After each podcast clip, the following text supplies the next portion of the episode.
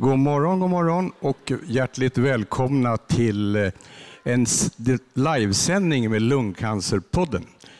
Lungcancerföreningen har ordnat det här och med hjälp av MSD har vi fått låna den här fina lokalen.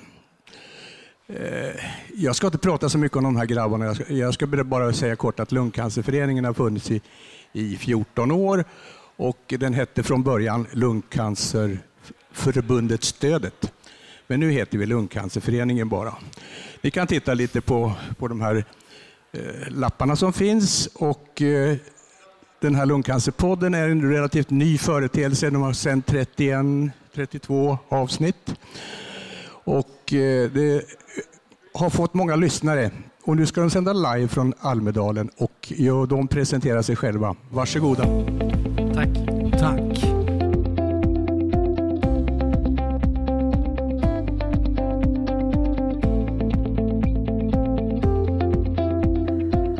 Lyssnar nu på Lungcancerpodden med Fredrik och Martin.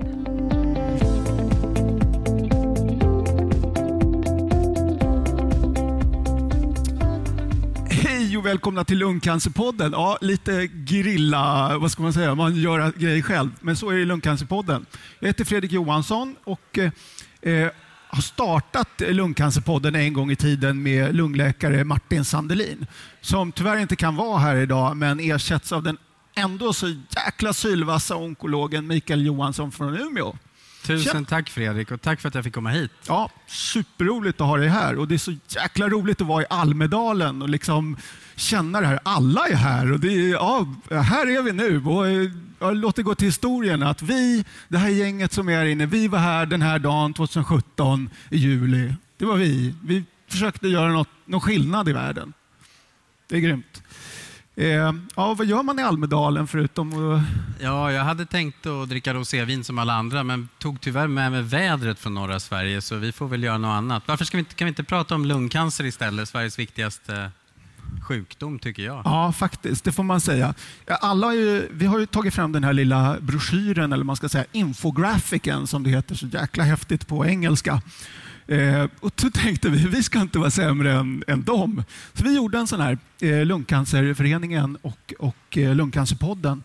Eh, och jag hoppas att alla har den här. Och, eh, ni som lyssnar på avsnittet nu efteråt, den finns på länk här nedanför avsnittet.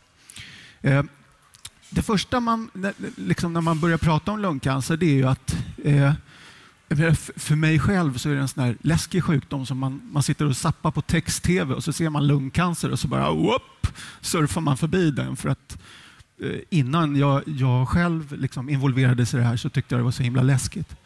Och det är ju faktiskt så att hur många svenskar är det som drabbas varje år? Eh, Tittar vi våra register, och vi har fantastiskt bra register i Sverige, dels via cancerregistret och sen vårt kvalitetsregister, så är det ungefär knappt 4 000 svenskar som, som drabbas av den här sjukdomen varje år. Och vi ska vara glada, för Sverige är ett lågincidensland. Vi har nästan den lägsta incidensen av lungcancer i Europa. Men trots det så är det 4 000 människor i vårt land som till stor del i onödan drabbas av den här läskiga sjukdomen, ja. för det är en läskig sjukdom. Ja, faktiskt.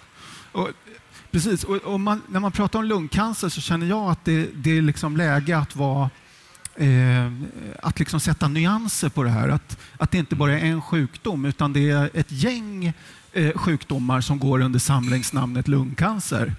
Eh, och vi har försökt att liksom spalta upp de här med, med, med de här småcellig lungcancer, icke-småcellig lungcancer och sen har vi även adderat eh, Eh, mesoteliom som är lungsäckscancer. Då. Eh, och på baksidan av den här broschyren eh, så ser man hundra typiska personer då med sjukdomen samlingsnamnet lungcancer och vad de har för olika typer av sjukdomar, eller? Ja, alltså när jag började jobba med lungcancer på 90-talet eh, som underläkare så, så brydde vi oss liksom om att klassificera lungcancer i två klumpar. Eh, småcellig lungcancer och icke småcellig lungcancer. Det är två olika typer av sjukdomen. Och vi behandlar dem nästan likadant ändå kan man väl säga, om man ska vara grov i munnen. Inte riktigt. Men idag har det här förändrats ganska mycket. Lungcancer är inte en sjukdom, det är jättemånga sjukdomar. Och delar vi in den lite fyrkantigt som, som vi gör kliniskt så, så, så pratar vi om småcellig lungcancer som är ungefär 15 procent av all lungcancer i Sverige. Eh, det är en väldigt speciell, ganska aggressiv men cytostatikakänslig sjukdom. Eh, den vanliga lungcancern som man ofta pratar om, den icke småcelliga lungcancern som vi kallar den för på 90-talet, och ett begrepp som jag tycker att vi ska försöka lämna helt och hållet, den delar vi in i adenokarcinom som är den vanligaste sortens lungcancer i Sverige idag. Det är ungefär 40 procent av all lungcancer. Den har sitt ursprung i körtlar eh, i lungorna skulle man kunna säga. Eh, skivuppdelcancer har sitt ursprung i de fina bronkerna i lungan och det var den lungcancer som var vanligast i Sverige på, på 90-talet. Men den minskar av någon anledning och det vet vi inte riktigt varför. Sen finns det en liten grupp som vi inte riktigt kan klassificera och den är benämnd storcellig här och kommer i framtida klassifikationer att heta icke småcellig lungcancer utan närmare specifikation. Ja. Men, men det är viktigt att klassificera lungcancer. Mm. Ja, och speciellt, jag menar, sen ser man ju lite längre fram här så ser man ju statistik och så. Då kan man känna liksom att ja, men det här är för liksom klumpen, eller vad man ska säga. Och sen eh, till råga på allt det här, den här klassificeringen, så händer det ju DNA-förändringar också, så man kan liksom ha nyanser av nyanserna. Precis, och det är väl kanske en av de häftigaste sakerna som händer i lungcancervården idag. Vi pratar ju om personalized medicine, individualiserad cancerbehandling. Det är nästan en floskel som används idag. Och den är ju här för lungcancer. Den har vi haft i ganska många år. Knappt tio år så kan vi säga att vi har genetiska markörer som styr valet för behandling av många patienter. Och I de här stora grupperna som infografen visar så är det naturligtvis så att, att vi har många subgrupper. Vi har en genetiska subtyper av framförallt adenokarcinom. Och idag har vi tre olika markörer som vi måste klassificera på alla patienter med lungcancer om vi ska följa lagboken. Mm. Eh, och Det är faktiskt flest genetiska markörer för epiteliala cancrar som jag känner till. Men sen är det ju så också att av de här hundra patienterna som man ser på din infograf eh, så varje patient är en individ. Och till dess att vi har sant individualiserad behandling på individbasis fullt ut, då är det långt kvar. Ja. För det är ju precis, för det är även så att av EGFR till exempel så finns det ju EGFR wild type och exon 19 och 21 och vad jag mm. förstår, liksom, det är ännu mer. Så man kan borra sig ner i det här hur länge som helst. Men, och den utvecklingen, Fredrik, den har ju precis börjat och det är ju en av de sakerna som gör att jag hoppas verkligen att vi befinner oss i ett knä, i en brytpunkt när det gäller lungcancersjukvården nu. Vi har gjort fantastiska framsteg tack vare forskning världen över, tack vare klinisk utveckling. Och vi ser, börjar nu se behandlingsresultaten för våra patienter i populationerna. Jag tror att det är nu det vänder faktiskt. Absolut. Det är, nu, det är nu det vänder, det är nu det händer. Balsam Boys tror jag hade passat bra in här idag. här kommer sommaren heter den. Tror jag. Men det kan, kan man ju inte tro idag. Fredrik, jag sjunger inte. det här drabbar inte bara rökare då, fast man stigmat är jäkligt hårt att ja, men, lungcancer, rökare, papp, papp, papp, papp. Eh, det är sant i 85-90 procent av fallen, men sen finns det de som inte har rökt eh, och drabbas av lungcancer. Och bara för att ta mig själv som exempel. Eh, jag var väldigt vältränad när jag var 35. Jag hade sprungit ett gäng löplopp varje år. Eh, jag avslutade 2013 med att kröna det och springa Stockholms maraton. Eh, ingen bra tid, men det var kallt det året. Eh, och Sen så började jag tappa kondition väldigt fort. Jag blev flåsig när jag gick upp för trappor. Och så, jag måste gå till min lunglä eller till min, min, Eh, vad heter det? G, G, min husläkare om det här eh, och fråga vad, vad kan det här vara. De tog en flatröntgen på mig och kunde se att i höger eh, höger lunga var liksom liten som en ballong och låg där och skvalpade i lungsäcken i massa pluralvätska. Så jag fick åka rakt in till Karolinska sjukhuset eh, och Eh, de tog ett gäng prover på mig, bland annat så när de inte hade gjort de här, eller inte hade gett någonting, de här proverna, så åkte jag in och fick en toraskopi. Och det är när man får ett, ett hål i bröstet och en slang och så får man ligga på drän i, jag vet inte hur många dagar. Men, eh, och eh, jag hade faktiskt inte en tanke på vad det här kunde vara. Eh, men till slut så kom min läkare, den tillfälliga läkaren, för det var körigt på den avdelningen då, in till mig och sätter sig bredvid mig och frågar Fredrik, hur mycket vet du? Jag vet? Vad då vet? Jag har sprungit maraton och det här, är liksom, det här kan vara en löpargrej, att lungan liksom åker ihop kompisar som det har hänt för. Eh, sätter hon sig bredvid mig och så säger hon, Fredrik, du har lungcancer, vi kan inte bota dig. Och just i det här ögonblicket är det ju som liksom man får mattan undandragen från Mm. fötterna. Det är som man liksom kastas ut från ett flygplan och känner det där ruset för er som hoppar fallskärm och hur det liksom rusar runt omkring en. Det är fullständigt vidrigt. Och, och, men, men, men ja. Eh, i, mig, för, för, I mitt fall så gick det rätt fort att få diagnosen. Alltså vi pratar kanske någon månad totalt från att jag var hos min husläkare. Men historiskt så, och för, för eh, vissa av de jag känner idag som har lungcancer, som, jag umgås ju ändå i det här gänget, eh, så har det tagit väldigt lång tid. Eh, och, men, men det här är, det är på förändring, får man väl säga. Ja, vi, vi hoppas det. Och det här ju, handlar ju lite grann om sjukvårdspolitik. Eh, lungcancerutredningar är komplicerade. Eh, det kan vara en svår ut, sjukdom att utreda. Det är jättebra att det gick så fort för dig. Att du snabbt hamnar på sjukhus framför allt. Men en lungcancerutredning innehåller ju en hel del röntgenundersökningar. Det innehåller en del invasiva mm, endoskopiska undersökningar, bronkoskopier där en lungläkare tittar ner i lungorna. Ofta behöver man idag ta ett prov utifrån kroppen. Då krävs det en duktig interventionell röntgenläkare. Vi behöver patologer som analyserar vävnadsproverna som tar. Och det är en oerhört mycket mer komplicerad process idag som innefattar molekylära utredningar som, som, som tar tid och där vi, där vi saknar resurser.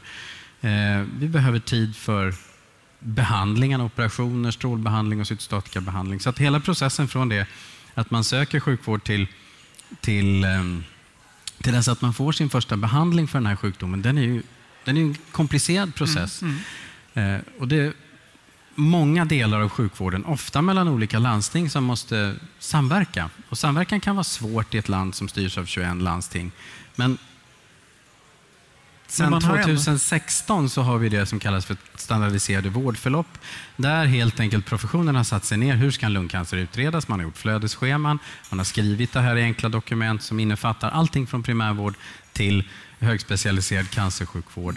Och jag tycker att det är väldigt bra Ja. eh, att man har gjort det här. Framförallt för att vi kan mäta mer detaljerat vilka tider de här utredningarna tar. Så vi kan hitta flaskhalsar. Ja. Behövs det mer patologer i Norrland eller behövs det fler eh, radiologer i Stockholm eller behövs det fler lungläkare? Det behövs det överallt. Men ja, det.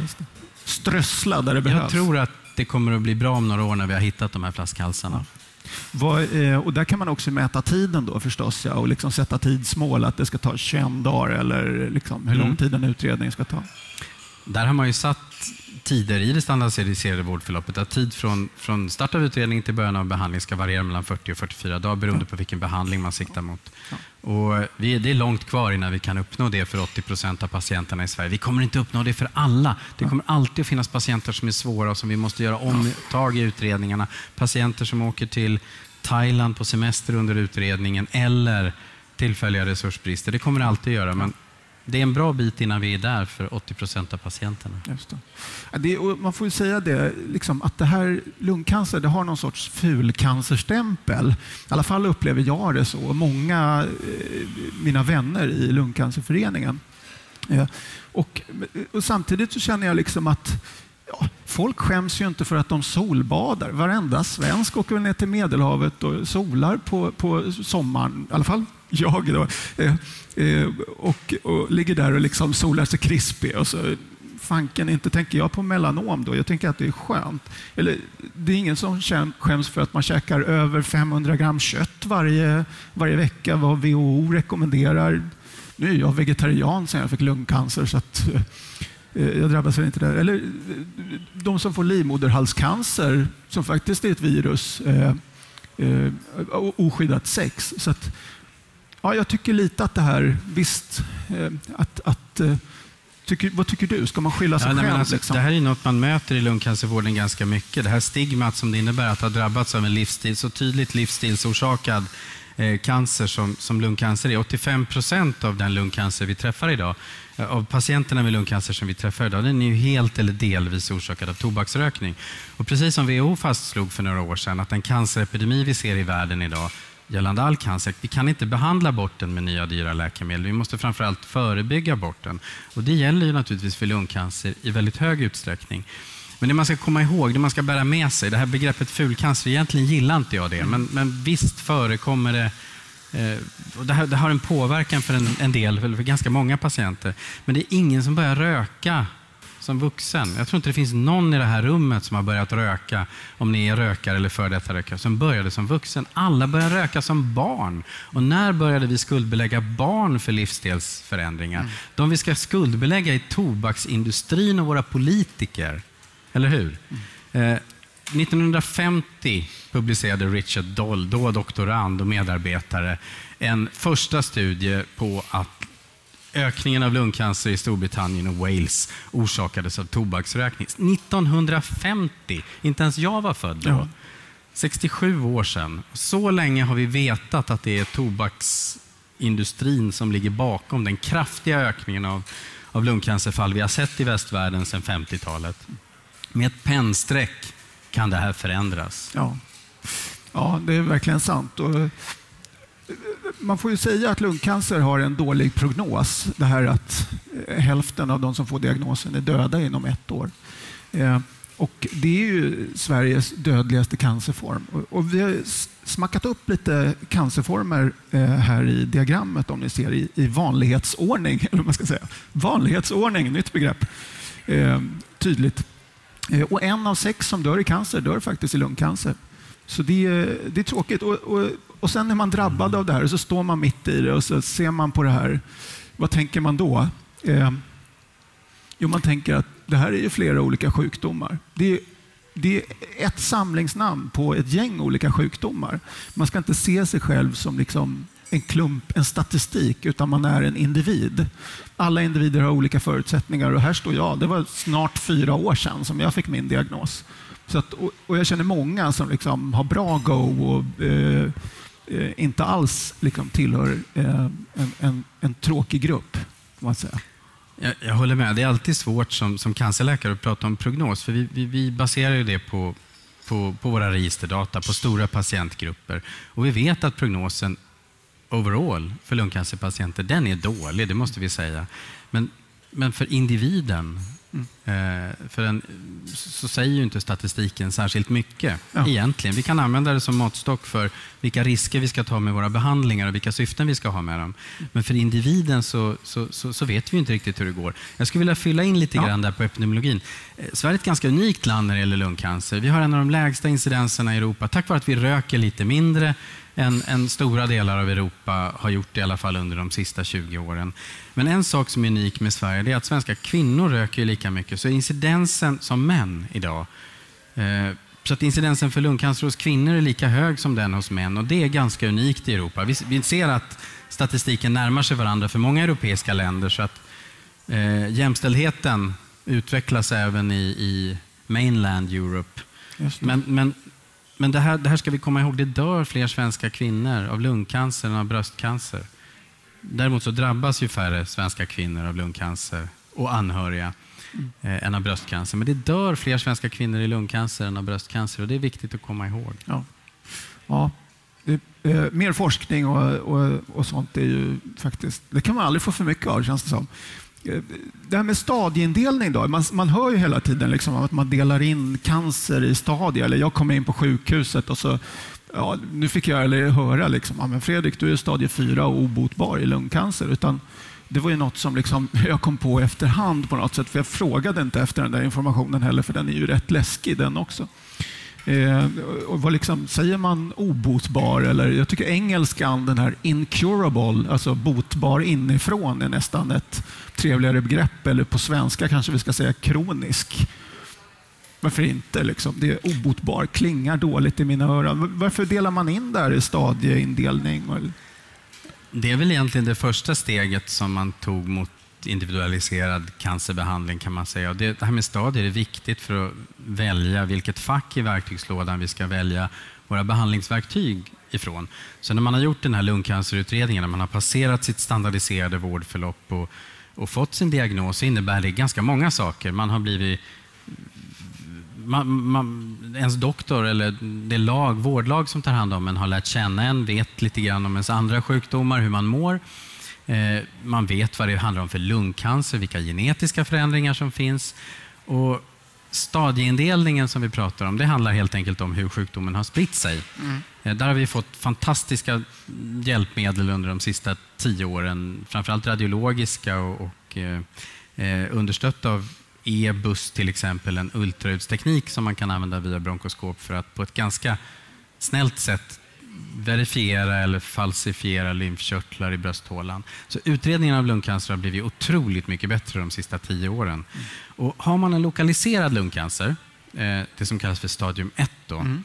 Eh, då tittar vi i facket för behandling eh, där kniven ligger. Då är det kirurgisk behandling, ganska stora kirurgiska ingrepp med syfte att bota patienten. Så att man kan säga att har man och har man då en stadium 2 lungcancer så väljer man också ofta eh, kirurgiska behandlingstekniker ja. i första hand. Eh, det har utvecklats onkologiska behandlingstekniker, framförallt med strålbehandling, som är väldigt bra att ta till för de få patienter som inte kan opereras. Har man en lokalt avancerad lungcancer, stadium 3, då tillhör man en, en gråzon där drygt hälften av de patienterna går att försöka bota med onkologisk behandling, strålbehandling och cytostatika. Mm. Eh, men däremot vet vi att kirurgi oftast inte är till gagn för den patienten. Det är ett stort ingrepp som görs i onödan och som ofta inte är tillräckligt för att bota den patienten. Mm. Har man en stadium 4-cancer som du drabbades av mm.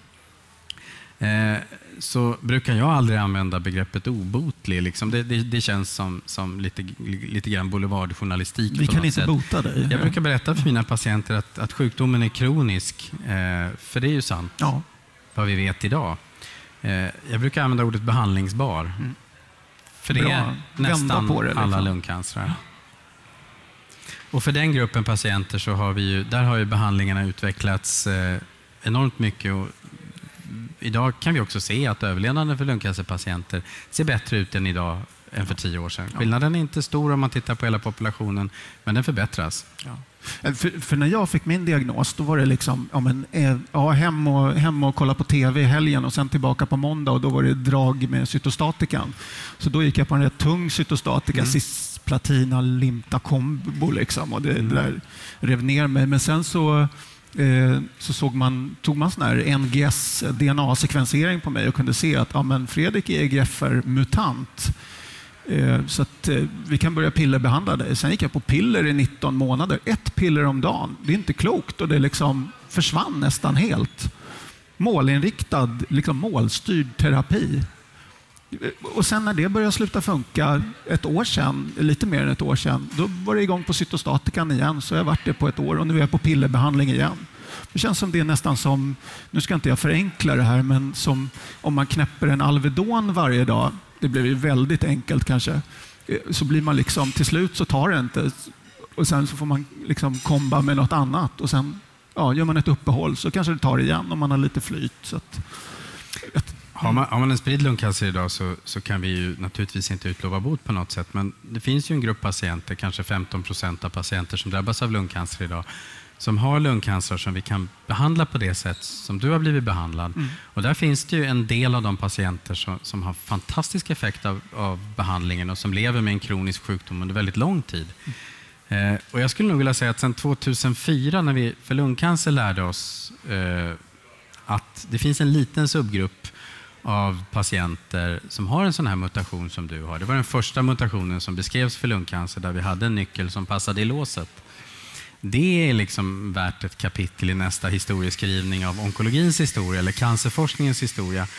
För även om det inte leder, vad vi vet idag Fredrik, till att vi botar några lungcancerpatienter med, med en sån EGFR-mutation, så hittar vi i världens viktigaste cancersjukdom, den, en av de vanligaste och dödligaste cancersjukdomarna som finns i världen, så vet vi att mellan 10 och 20 procent, lite beroende på var man bor i världen, högre om man bor i Asien, så har vi, en fantast, så har vi fantastiska behandlingar eh, med ganska begränsade biverkningar. Lite mer än Alvedon måste jag väl ändå säga. Det håller, tror jag du håller med om. Ja, verkligen, men, verkligen. men det här är för mig en av de största revolutionerna vi har sett inom onkologin. Ja, det är grymt. Och det är, för mig som patient så är det som något sorts, faktiskt när man ser det här, det är någon skräckblandad förtjusning brukar jag säga när jag hejar på liksom läkemedelsutvecklingen och sitter hemma och googlar på min egen diagnos och liksom ser att oj, nu är det en fas 2-studie av det där. Och liksom, man blir verkligen engagerad och tycker att det är häftigt. Mm. Ja, det är verkligen ett, ett bra driv nu. Jag älskar att ha patienter som dig som kommer med ut, ja, du kommer inte med utskrifter, du kommer förmodligen med en platta och sätter i näven på mig. Är det så? Är det så? Är det så? Jag har läst den här. Har läst den här. Nej, men det som är häftigt, vi pratar om personalized medicine, individualiserad cancerbehandling. Den är ju här. Alltså, när man står på en scen och pratar om att vi ska införa individualiserad cancerbehandling så är det en floskel mm. på något sätt. Den är här. En patient som du, 15 procent av lungcancerpatienterna i Sverige idag har en sån här genetisk förändring som vi kan som vi har en nyckel ja. som passar i låset för. Vi behandlar de patienterna. Till slut så funkar inte behandlingen längre. Då väljer vi en annan behandling. Ja. Och Det som kommer nu är att vi har andra och tredje generationens av sådana här pillerbehandlingar, lite beroende vilken, vilken genetisk förändring man har. Vi rebiopserar, vi tar nya prover. Du får en nål i lungan igen för att ta reda på om någonting har hänt. Vi gör nya sådana här ja. genetiska profileringar. Det görs i klinisk rutin idag. Det är introducerat. Det får man på skattsedeln i Sverige. Vi kanske är lite klumpiga, det kanske tar lite lång tid. Vi behöver utveckla vår infrastruktur. Vi behöver forska lite mer. Men det är klinisk rutin att följa patienter så idag. Och vi har, får fler och fler nycklar som passar och naturligtvis hoppas jag, innan jag går i pension, och det är inte så himla kort tid kvar som det ser ut, så, så, så hoppas jag verkligen att vi ska kunna prata om en subgrupp av patienter som faktiskt lever med sin cancersjukdom väldigt länge. Ja, det hoppas jag också. Jag, jag, brukar jämföra det med, eller i alla fall när jag fick diagnosen, så var det så här, ja, men kanske är jag en av de här som fick hiv i slutet av 80-talet istället för början av 80-talet. Och, ja. Ja, det håller tummarna för det. Jag brukar betraktas som en konservativ surgubbe som är ganska pessimistisk. I, Ior kallar de mig på labbet. Men jag tror faktiskt att vi befinner oss i ett knä. Jag tror att vi ser, jag, nu låter jag lite grann som en livscoach, eller, men jag tror att det är nu det vänder. Det var ja. du som myntade det här ja, innan det. vi satt och snackade. Men jag tror att det vi ser nu, för många cancerformer, och där går faktiskt lungcancer först när det gäller vi har dåliga förutsättningar. Lungcancer har en dålig prognos, men jag tror att det är nu det vänder. Ja, Faktiskt. Tack vare ja. internationell forskning, läkemedelsutveckling och många initiativ från många små forskargrupper världen ja. över. Ja, vi måste faktiskt avsluta här. Men Varför då? Ja, vi skulle kunna prata om det här hela dagen känns som. Men man måste ju dricka rosévin också. Eller? Det Nej. blir utspätt om vi går ut. ja, just det. Nej, eh, skämt åsido. Eh, vi måste tacka Lungcancerföreningen för allt hjälp, hjälp med den här broschyren. För dig Micke som har flugit här från Umeå och tagit hit och liksom stand-in för Martin nu. och, och, och och vi måste tacka MSD också för tack för lånet av lokalen och roddandet med hela det här eventet. Det är fantastiskt bra. Tack så mycket. Och tack så hemskt mycket för att jag fick komma hit. Ja, grymt. Det har tack, varit jät jättekul. Tack alla. Tack för att du lyssnade på Lungcancerpodden med Fredrik och Martin. De senaste avsnitten hittar du alltid på lungcancerpodden.se eller i din podcastapp.